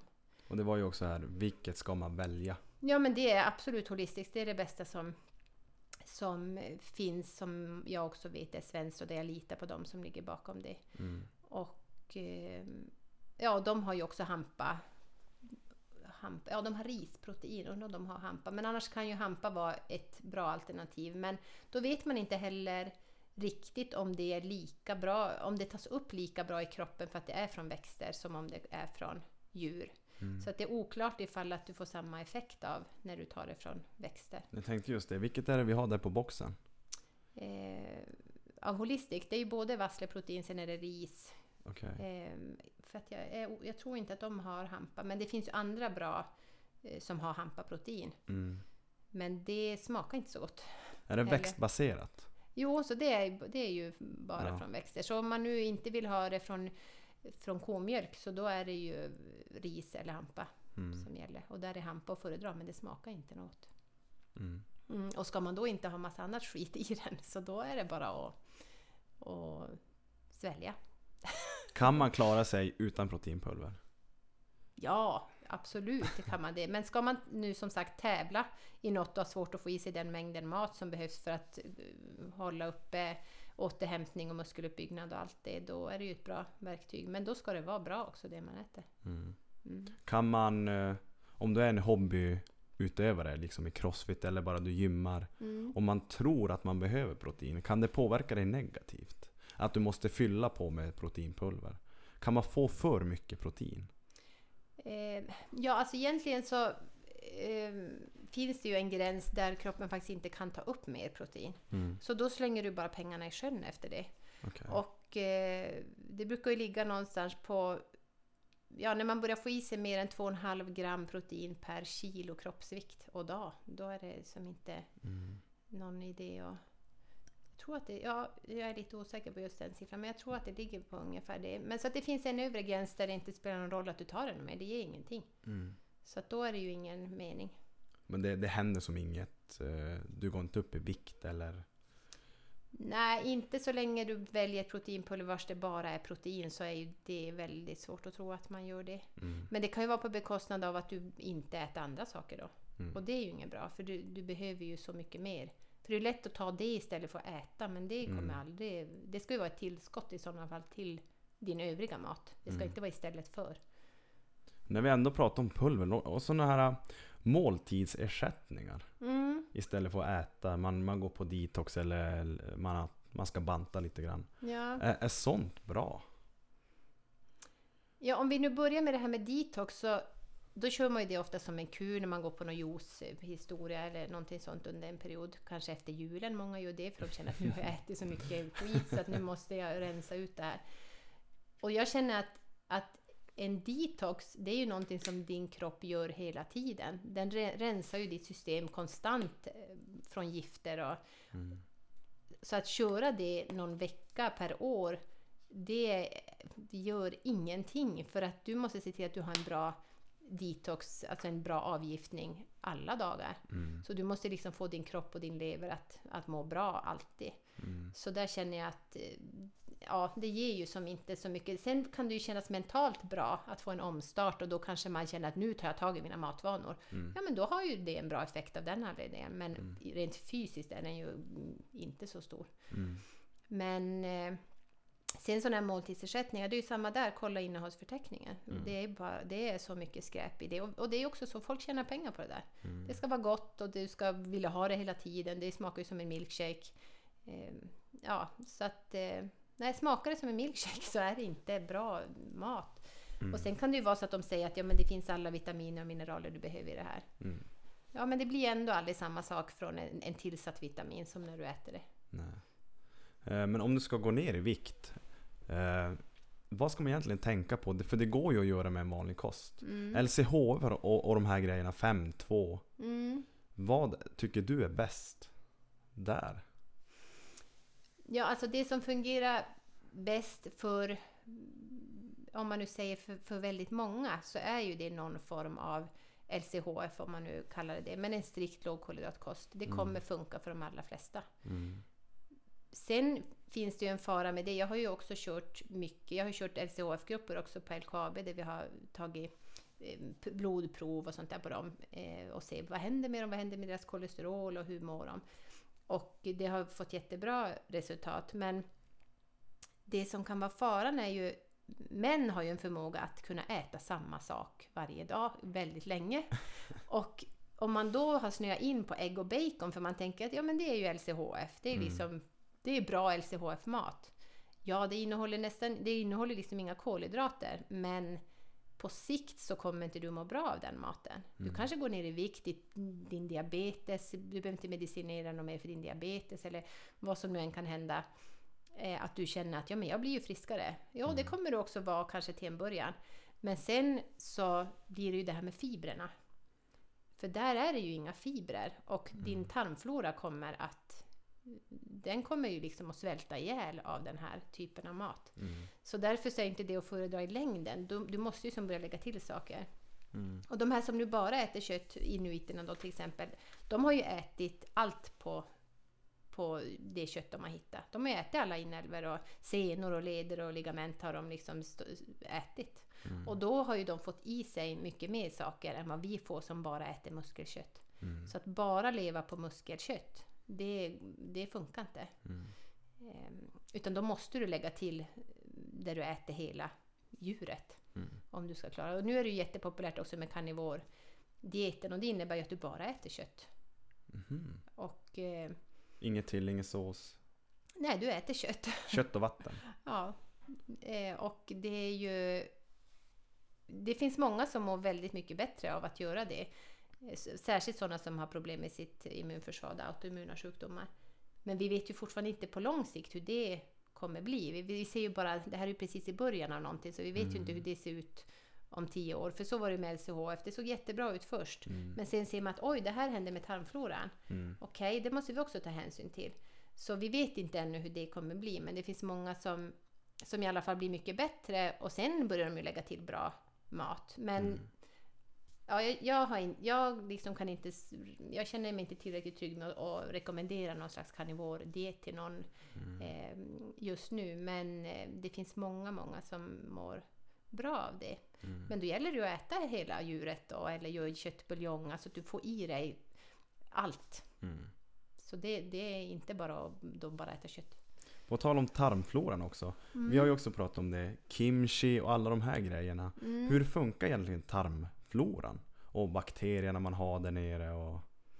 Eh, no, men det som eh, är då, om vi nu igen pratar om det här akvariet som vi har i våran tjocktarm, Mm. så kan det ju vara så att vi genom vår livsstil inte har så många fiskar kvar där. Och då gäller det att vi fyller på det. Och då måste vi fylla på det från, med mat som är mjölksyrad till exempel. Så det kan ju vara kimchi Mm. som är fermenterat eh, kål och ingefära och sånt där. Eller surkål, det är ju Mm. bara vitkål.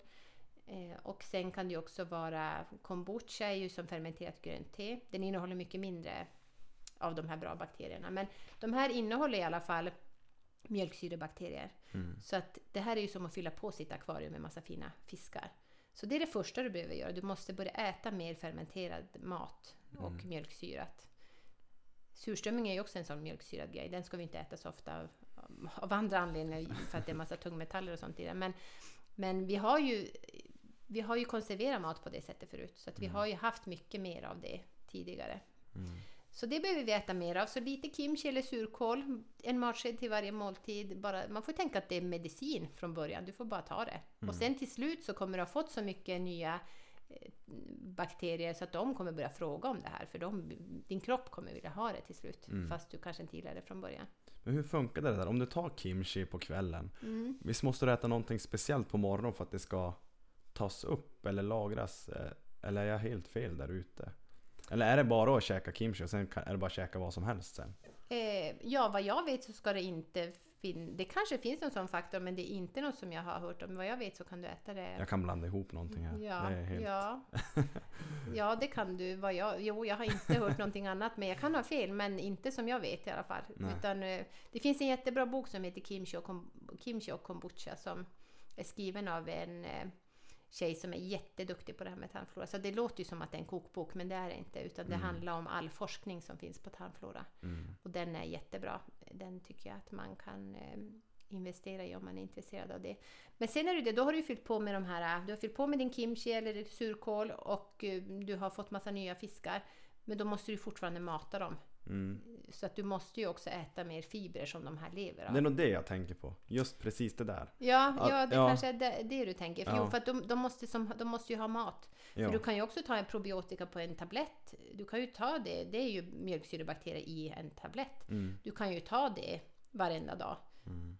Men det, det är ju bättre att du fyller på med egna fiskar och sen så matar du dem så kan de ju fortsätta leva där. Mm. Istället för att du varje dag ska behöva fylla på för att ja, de klarar sig inte. Mm. Så att målet är ju att få fler att växa till sig och att du, att du ser till att de har det bra och blir kvar där. Mm, precis. Mm. Och en intressant fråga som jag tycker är ganska mycket om i dagens samhälle.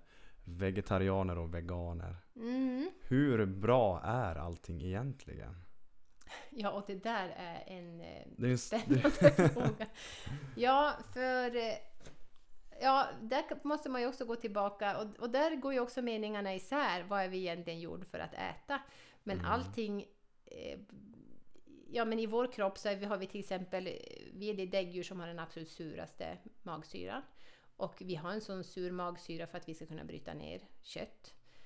Eh, och eh, det man ser också, det, sen är det ju en sak, det finns ju fortfarande naturfolk som lever i stort sett bara på vegetabilisk kost, men de äter ju också en del insekter och det har ju blivit som så konstigt att man måste vara det ena eller det andra. mm. Att man är, liksom nu är jag vegan och då är det bara så, jag kan inte äta någonting från djurriket och det kan ju vara för att man av på grund av djuren är vegan. Då förstår jag att det, det, det fattar jag att man inte vill ju illa någon för att jag, man själv ska bli mätt. Mm.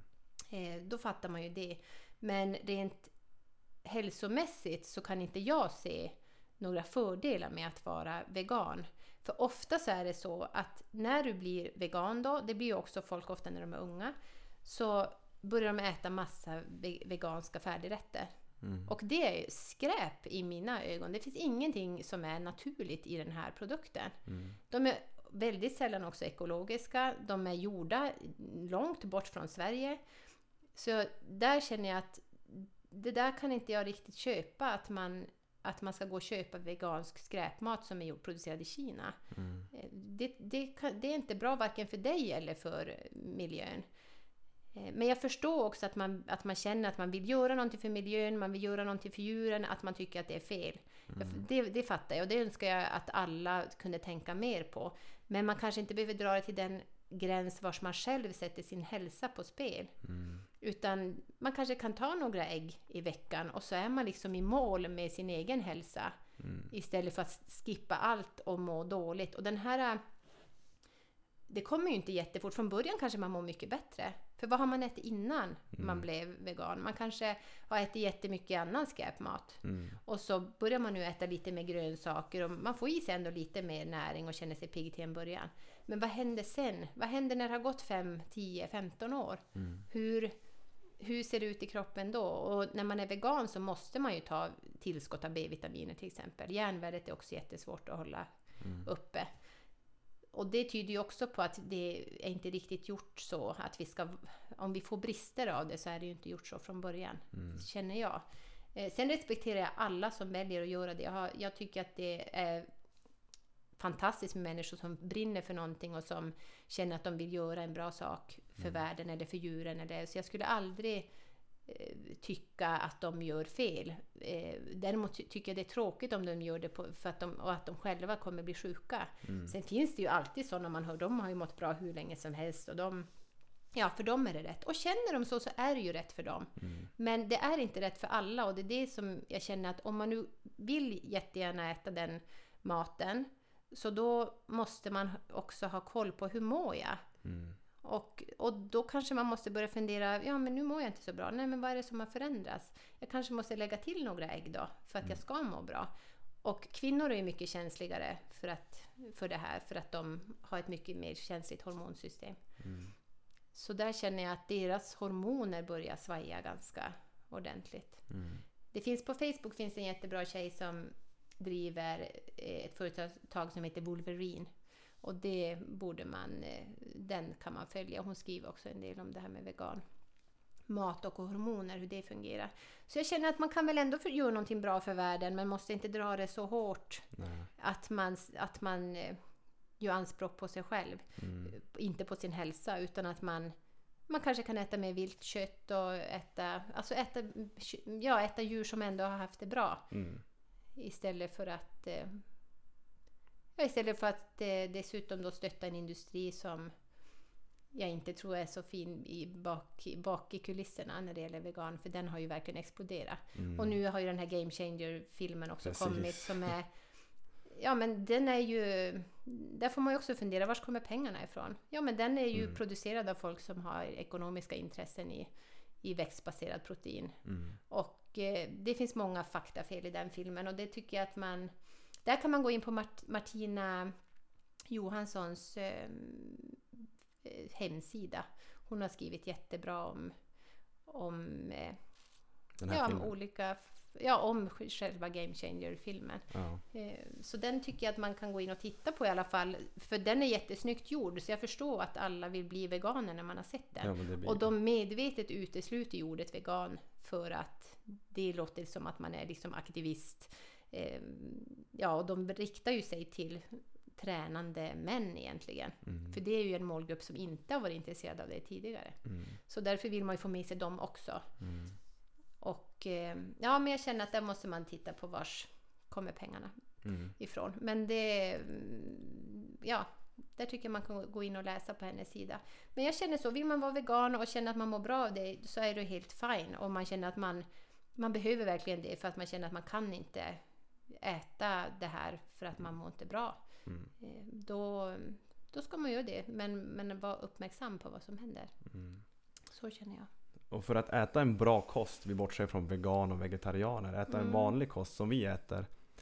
Eh, det är ju avsevärt mycket dyrare. Mm, Om man känner att man inte har med sig en trebarnsmamma, ensamstående, dyr hyra, mm, har precis nästan råd med att överleva varje månad. mm. Och hon vill äta så här och kanske inte kan göra det. Nej. Hur... eh, Vad ska man säga? Är det värt att offra pengarna för att äta den här bra kosten? Även om man kanske inte riktigt har råd. Eh, ja, alltså... Ja, det, det känner jag. Om, för det första måste man ju då tänka att om, för att säga att man inte har råd så tycker jag då ska man kapa bort allt onödigt som man köper. Mm. Eh, läsk, godis, hur mycket pengar går det till det varje Mm, månad? Och det är pengar som är... Du slänger pengarna i sjön. Du hade kunnat elda upp pengarna för att det, det ger dig ingenting. Nej. Men det här är ju den här sociala Precis. vanan, beroende grejen som slår in. Och där har jag ju själv suttit så jag vet hur det är. Men Så att då tycker jag i alla fall att man ska ha tagit bort allt det först. Kolla hur mycket pengar lägger jag på det? Mm. Kan jag istället lägga det på att äta bättre, äta bättre mat? Och sen finns det ju, alla grönsaker är ju inte jättedyra. Man kan ju jättemycket saker med vitkål till exempel som är ganska billigt. Mm. Eh, Lök av alla former. Eh, Ja, potatis är ju också en grej då beroende på hur mycket man har tänkt äta av det. Eh, Ja, och sen för det jag känner är dyrt, det är att köpa ekologiskt kött. Mm. Om man inte har älg och ren kött i frysen så är det ganska dyrt. Mm. Så den, eh, det tycker jag är svårt, så det kanske inte alltid är möjligt. Men man kanske, eller kanske, man måste alltid titta i alla fall på att köttet ska vara svenskt. Mm. För i Sverige har vi i alla fall ganska bra djurlagar om antibiotika och sådana här saker. Så att svenskt, absolut. Så kan man inte välja ekologiskt så välj åtminstone svenskt kött. Mm. För annars så är det stor risk att du har väldigt mycket antibiotika på din tallrik. Mm. Och en grej som jag också är väldigt intresserad av, som vi pratade om tidigare. Den här fastan. Mm. Man äter 8 timmar, man vilar 16. Mm. På vilket sätt är det bra? Om man utför den, det svaret lite grann. Ja, alltså det är ju för att du får en cellreparation i kroppen. Så att det blir som att du boostar eh, hela kroppen under tiden du fastar. Att Mm. cellerna, de bryts ju ner hela tiden men du får en, en bättre celluppbyggnad och eh, ja, så den här reparationen blir mycket bättre för du ska ju alltid reparera, reparera systemet på natten, det är ju det man gör. Men det blir Mm. som att du lägger in en extra växel på det. Precis. Eh,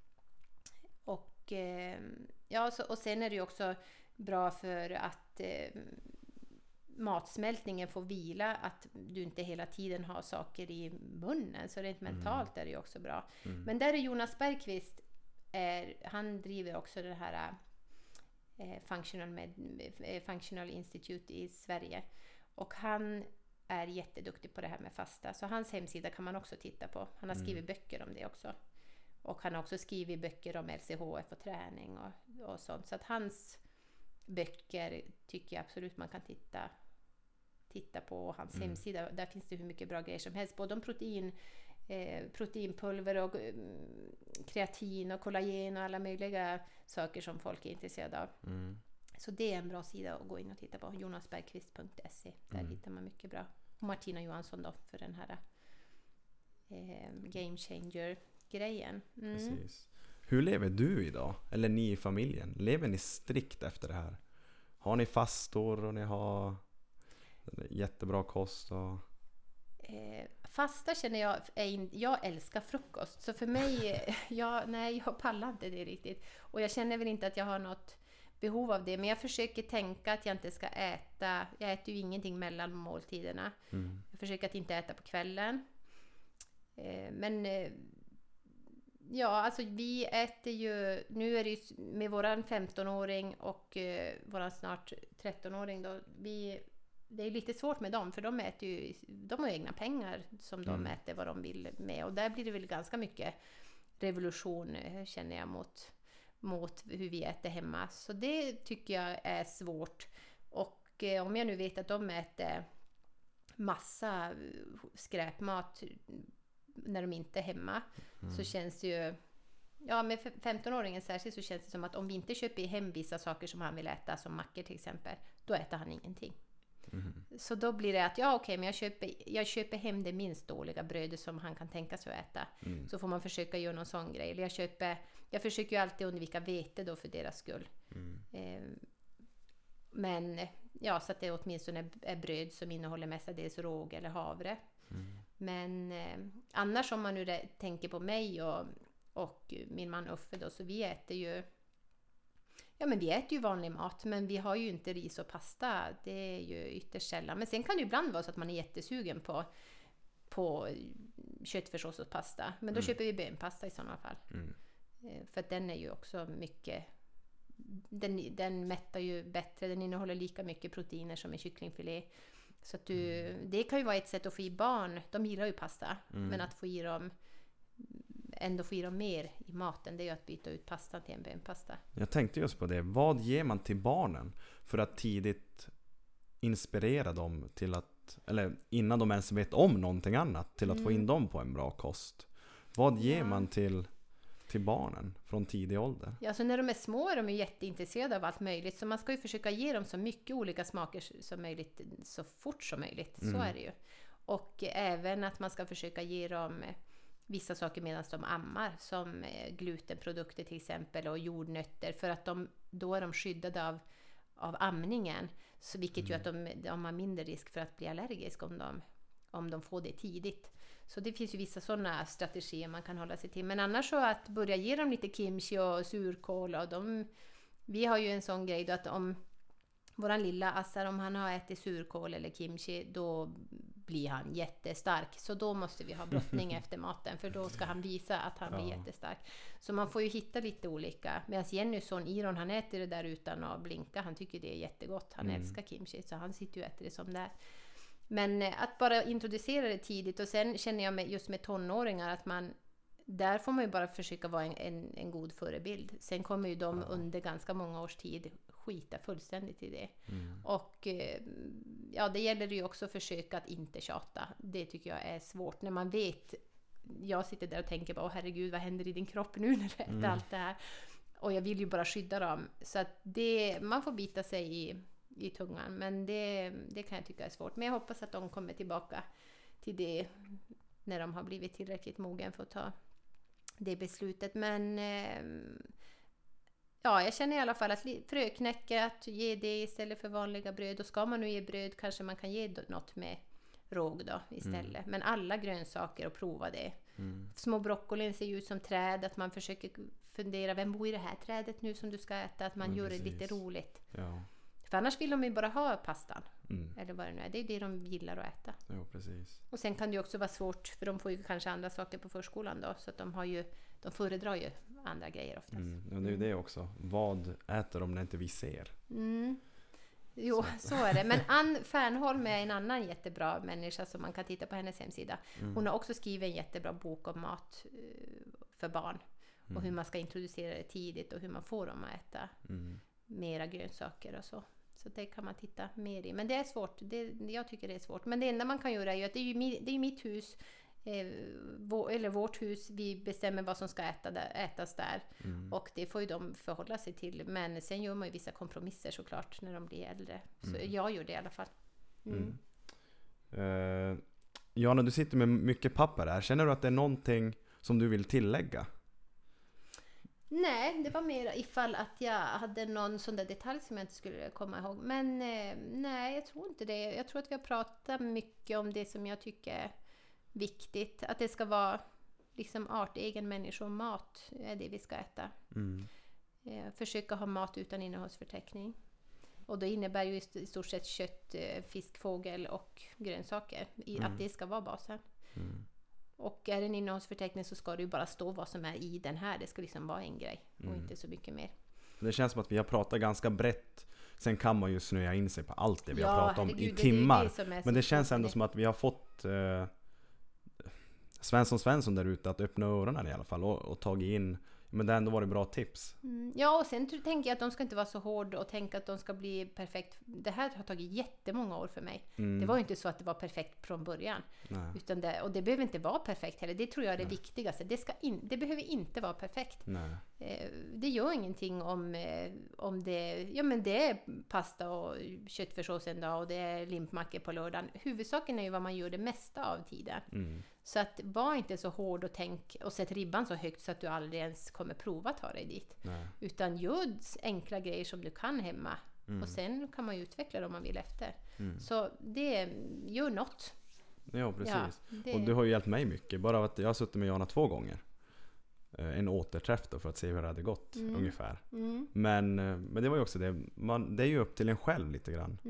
Du ger ju en jättebra verktyg men det är ju upp till mig sen att okej hur stor press sätter jag på mig själv. mm, Och där har jag varit ganska ödmjuk mot mig själv. Att okej vi börjar lätt och sen så bygger vi. mm, Och det, har, och det är det som har hjälpt mig också till att få en, en bättre kost än jag hade förut. mm. Även om jag inte är die hard fan.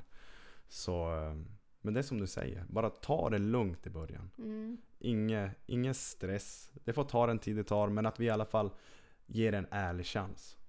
Ja, och ge det några veckor och se hur du mår. Alltså jag känner, Ja, för ofta så har man bara gett det några veckor, så sen är man ju där man känner att det här, det Mm. här jag mår svinbra. Ja. Och gör man inte det, ja men då måste man titta på vad, då är det ju något som är galet. Då Mm. måste man göra någon justering. Ja. Mm. Eh, en avslutande fråga jag brukar fråga till alla gäster. Mm. Lite mer om dig. Eh, för vi alla har ju drömmar och mål och vi kan sväva hur långt som helst när vi drömmer. Mm. Har du något mål 3 till 5 år i livet? Nu är ju du tre barn, Jo. Uffe. Jag liksom tänker inte så mycket på mitt eget du kan, liv jag tror, ja, du är nog min äldsta gäst hittills. Ja, oj det var ju... att, men det är ändå kul att höra dina mål och drömmar. Mm. Om, säg om fem år, vart är du då i livet?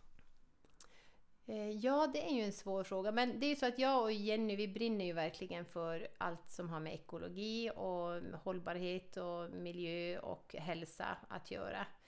Eh, Så vi båda skulle vilja att vi skulle kunna jobba med det mer. Jenny älskar ju mat, så att hon skulle vilja jo- jobba med att laga mat. Det Mm. tycker hon är jättekul. Jag tycker mer att det är roligt att och tänka näringsmässigt på mat. Mm. Eh, Så att vi skulle jättegärna vilja göra det mer i, ett, i en form där vi kanske har en liten butik och någon liten lunchservering i samma som vi har försökt ha det nu. Men vi har ju båda jobbat med, för mycket med våra ordinarie jobb kan man säga. Mm. Och samtidigt som vi har haft små barn. Mm. Så de har ju också blivit större men eh, Ja, så det, jag älskar ju det här med hälsa och jag, jag vill ju sitta i hälsosamtal med folk, skulle jag vilja göra hela tiden. Mm. Eh, Så det gäller väl att, på något sätt våga släppa sargen och göra det. Eh, För det är ju lätt att vara anställd och, Mm. och ja, och när man har barn, små barn, att man Ja, men att man gör det lite lätt för sig. Mm. Eh, Så jag har väl inte varit där ännu vars jag har känt att jag kan satsa min energi liksom så mycket på det. Mm. Men det, det känner jag ändå att det ligger ju hela tiden bak i mig att jag måste det här är någonting som jag behöver göra i mitt liv. Så Mm. att jag vill ju göra det mer. Sen formen på det vet jag inte riktigt. Men just nu känner jag att jag gör det för lite. Så Mm. att jag behöver göra det mer så som jag har gjort tidigare. Jag behöver träffa folk, jag behöver sitta och prata med. Jag är så intresserad av allas historier och, eh, och det handlar ju om att prata. Man pratar inte bara om mat, man pratar om hela livet. Precis. För det är inte, mat är ju inte bara det. Om man mår dåligt så här handlar det ju aldrig bara om Mm. vad du ska ändra för mat. Utan det finns så mycket mer bak och jag älskar det att höra. Och sen bara alla frågor. Varför? Jo, jag så här, varför? vad, är, vad, vad är orsaken bak i? Ja. Så det är det jag alltid vill veta. Varför eh, har du den här hälsoproblemet eller den här sjukdomen? Eller vad, vars ligger obalansen? Du låter lite som en psykolog också. Ja, det blir lite Det så blir när man lite så. sitter där. Ja, jo, så kan, det kan ofta bli så. Eh, Och det tycker jag också är så himla roligt. Alla människor som man känner att man har kommit nära i, Mm. fast man kommer och ska prata om mat och så. Mm. Ja, men så blir det automatiskt mycket mer. För jag vill ju veta hur ser livet ut? Vad har du för förutsättningar? Mm. Och eh, hur mår du? Hur sover du? Eh, allt vill jag veta. Så att jag kommer prata om alla, om ens hormoner, om magen, om all sjukdomsbakgrund och allergier och allt möjligt kommer vi gå igenom för att jag Mm. måste få en helhetsbild. Sen väljer man ju själv hur mycket man berättar om, om liksom sitt privatliv i, i övrigt. Men jag vill, jag vill veta i alla fall alla, vad förutsättningarna kring kroppen är. Och då kommer man automatiskt in på allt möjligt. Hur tar man kontakt med dig om man vill få hjälp av dig? Eh, ja, men det lättaste är att gå in på hemsidan och sen skicka ett mail Okej. eh, den vägen. Mm. På no junk food. Ja, Mm. nojunk.se. Nojunk.se. Ja, mm. Mm. så det är lättast. Och sen, eh, ja, så tar vi det därifrån. Och du är ganska öppen. Du, det går att boka till dig och det är... Ja, det är ju i mån av tid och det är ju Precis, också alltid min... Eh, det är ju det som är flaskhalsen här. Men eh, annars så skriver jag upp det på min lilla lista. Den börjar vara ganska lång nu så jag ska se till att jag ska göra tid för Mm. det. Står Mm. priser och allt sånt där på hemsidan också? Så att, så att Eh, folk ja, där ute det som... ska det göra. Okej, Mm. ja. Mm. Så att man har ett hum om vad du kostar att gå till dig. Men första besöket brukar alltid ta 90 minuter och det kostar 1000 kronor. Mm. Och sen uppföljningen tar en timme och kostar 750. Mm. Mm. Och till er där ute som lyssnar, det är värt det. Ja, och mitt mål är att man inte ska behöva komma så många gånger. Ja, precis. Så är det ju, för då gör vi ju fel grejer. Mm. Mm. Så men det... om ni funderar, om ni känner att ni behöver den där extra draghjälpen så ta kontakt med Jana. Det är mitt tips i alla fall. Sen får du se till att fixa ditt schema. Jo precis, jag ska bara fixa lite tid först. Mm. Men eh, nej, jag tycker det var svinbra Jana. Tack för att du tog dig tid. Ja, men för det, det här. var kul. Tack. Så jag tror vi har hjälpt några stycken där ute i alla fall. Mm, kanske. Mm. Tack ska du ha. Tack. Shining brighter than the sun